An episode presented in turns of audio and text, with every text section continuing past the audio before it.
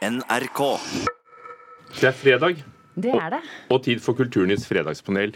Velkommen, Ørjan Nilsson, forfatter og musikkansvarlig i Bergensavisen. Vi ser er en strålende dag i Bergen. Takk, det er det. Nina Kristiansen, redaktør i forskning.no. Hallo. Og Mode Steinkjer, kulturredaktør i Dagsavisen. God morgen. En gjeng bladfykere i dag, altså. Ja. Og da har dere formodentlig god oversikt. Ja, Forskning.no, det er jo et slags blad det òg, selv om det er på kan Vi kalle det blad, jeg vil kalle det nettavis. da. Altså, Vi holder oss ikke med noe form for papir. Bare vi beholder ordet avis, så er jeg fornøyd. Ja. Wikileaks-grunnlegger Julian Assange er arrestert i Storbritannia etter syv år i eksil i Ecuadors ambassade. USA vil ha ham utlevert og sikte ham for medvirkning til datainnbrudd. Men eh, Wikileaks-redaktøren Kristin Raftsson sier det er en mørk dag for journalistikken, og at Storbritannia aldri må utlevere noen for journalistisk aktivitet. This is a dark day for, for journalism. This sets a, a precedent. The UK government needs to make a full assurance that a journalist will never be extradited to the United States for publishing activity. Bør Assange utleveres, Ørjan Nilsson? Uh, nei. Nina Kristiansen? Nei. Mode Steinkjer? Nei. Men han er altså siktet i USA nå for å ha medvirket til datainnbrudd. Og en sånn utlevering hørte vi tidligere av en jusekspert. Det kan bare skje hvis du blir siktet for den ene tingen de ber om. Hvorfor er du engstelig?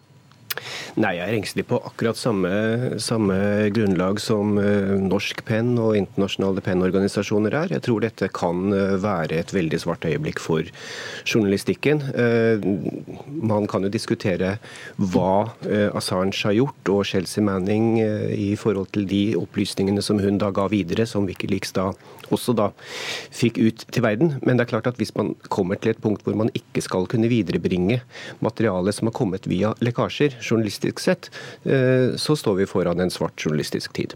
Er det journalistikk Wikileaks eh, driver med, Ørjan Nilsson? Ja, det er det jo, men øh, jeg svarte, jeg svarte nei fordi at hvis vi legger øh, ytringsfrihet og pressefriheter i bunn, så, så er det klart at han ikke skal øh, utleveres. Men det er veldig mye annet med Julian Assange. Um, det er så mange aspekter, så jeg, tror ikke vi har plass til det i dette programmet. Men Ta noen av dem, du. Ja, vi- Sverige-biten. Den ene av disse kvinnene som, eh, som anklaget den for voldtekt, var ute i går og, og, og krevde at etterforskningen er gjenopptatt. Um, så så det, er mange ting ved han som altså det, det, er ikke kun den journalistiske biten i bunn som, som det helhetsbildet Julian Assange er mye, mye større. Nina? Ja, altså, det er jo som Ørjan sier, Dette her er jo en, en historie med så mange biter. Det er liksom ikke en helt, en journalist som bryter seg inn et sted og røper hemmeligheter, og så blir han en folkehelt selv om han har gjort en forbrytelse, så han bør eh, beskyttes mot straffeforfølgelse. Han er jo en vanskelig helt å like. Han er ikke en ordentlig journalist. Han har begått lovbrudd som han ikke da vil ta noe ansvar for. Han har eh, kanskje voldtatt kvinner i Sverige. Han eh, Den siktelsen er jo trukket ut. Den er trukket, ja. Og så, men som Ørjan sier, så er det jo ikke så enkelt som regel. Og så er han jo da blitt ecuadorisk statsborger av én president, den andre presidenten utleverer han. Han er en vanskelig helt. Og dessuten er han visst virkelig også usympatisk, sier alle rundt den. Så jeg tenker at det er, en sånn komplisert historie, da, og da er det vanskelig å finne prinsippene inni her. Og når jeg liksom leiter gjennom laga, så vil jeg jo si nei, ikke utlever han til det umenneskelige amerikanske straffesystemet som aldri tilgir og aldri rehabiliterer, men de vil jo bare bue han inne, så ble han borte for alltid. Og han har tross alt gjort en samfunnsinnsats, selv om lekkasjene har jo blitt misbrukt av både den ene og den andre. Hva er det viktigste Mode Steinkjer, du syns Assange har gjort? Nei, altså, Jeg er helt enig i at han er en veldig komplisert person både å like. eh, Og dette programmet er ikke langt nok til at vi skal gå gjennom alt han har gjort. Men, men det som han da faktisk har gjort, er at han har greid å bryte opp et nytt rom innenfor journalistikken og, og påvist da eh, overgrep eh, mot menneskerettighetene under krig i Irak og Afghanistan. Det har han bidratt til, og det, det, det tror jeg verden skal kunne takke han for lenge. Men Skal journalistikken selv bryte seg inn og få tak i hemmeligstemte dokumenter, eller skal de bearbeide dem som kommer dem i hende?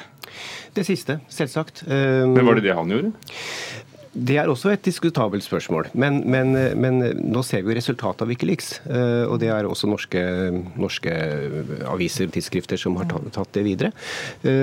Eh, Men, men jeg tror ikke han skal utleveres, for jeg tror det vil stoppe veldig mye av den både debatten rundt han, men også da den prosessen eventuelt også straffemessig i Sverige hvis den saken blir gjenopptatt. Eh, da blir han utlevert, så blir han også låst inne, og da kommer vi ikke til å se noe mer til ham. Kommer aldri til å se den igjen. Føler på meg at du vil si noe, Jan Nilsson?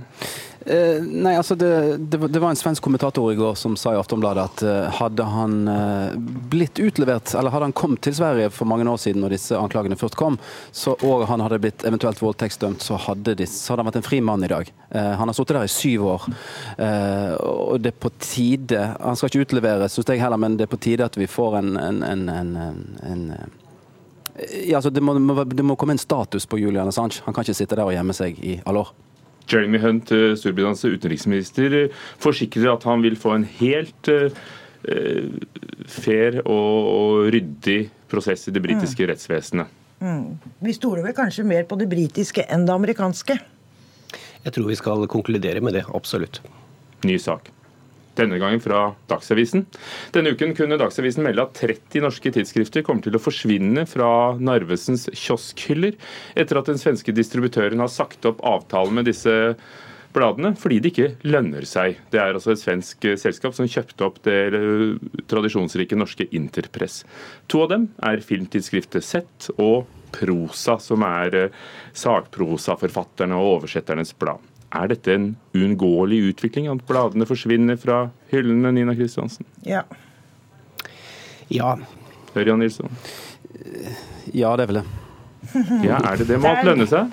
Ja, altså, denne saken med Narvesen syns jeg er litt rar. Her har du et sånn kommersielt firma som blir bedt om å føre varer de ikke kan selge, eh, fordi eh, det gir kulturen en synlighet, en, en synlighet som ikke er dokumentert av de som hevder at den fins. Så selvsagt skal Narvesen slippe å selge ulønnsomme produkter.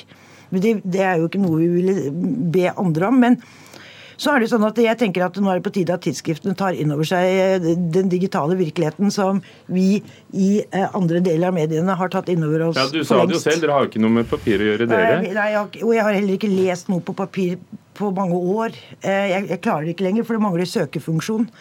Men Tidsskrifter kan leses digitalt. Hvis de satser på yngre lesere, og da snakker vi ikke om veldig unge, så er det den digitale virkeligheten de også må bevege seg inn i, og slutte å klamre seg fast til trestammene.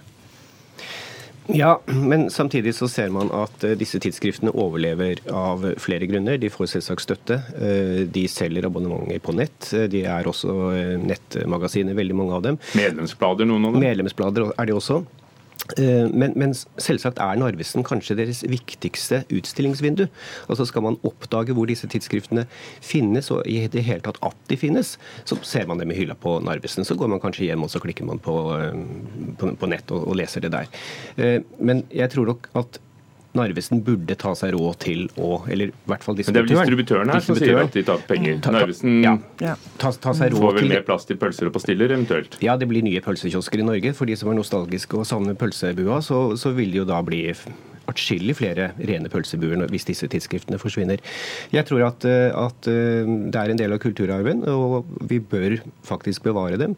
Og det betyr jo at andre må på banen her. altså Enten det er bokhandlere, bibliotek, eller i hvert fall tidsskriftene selv må bli litt mer proaktive og sørge for at de kan overleve uten en svensk distributør. Ørjan?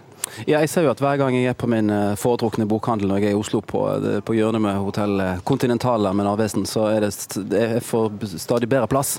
Eh, det er ikke så veldig mange andre der inne. Men samtidig så er det som det ble nevnt i sted, jeg syns nok at veldig mange av nisjetidsskriftene har slitt med å, å, å, få en digital løsning som gjør at, at det tilsvarer det som du får i papir.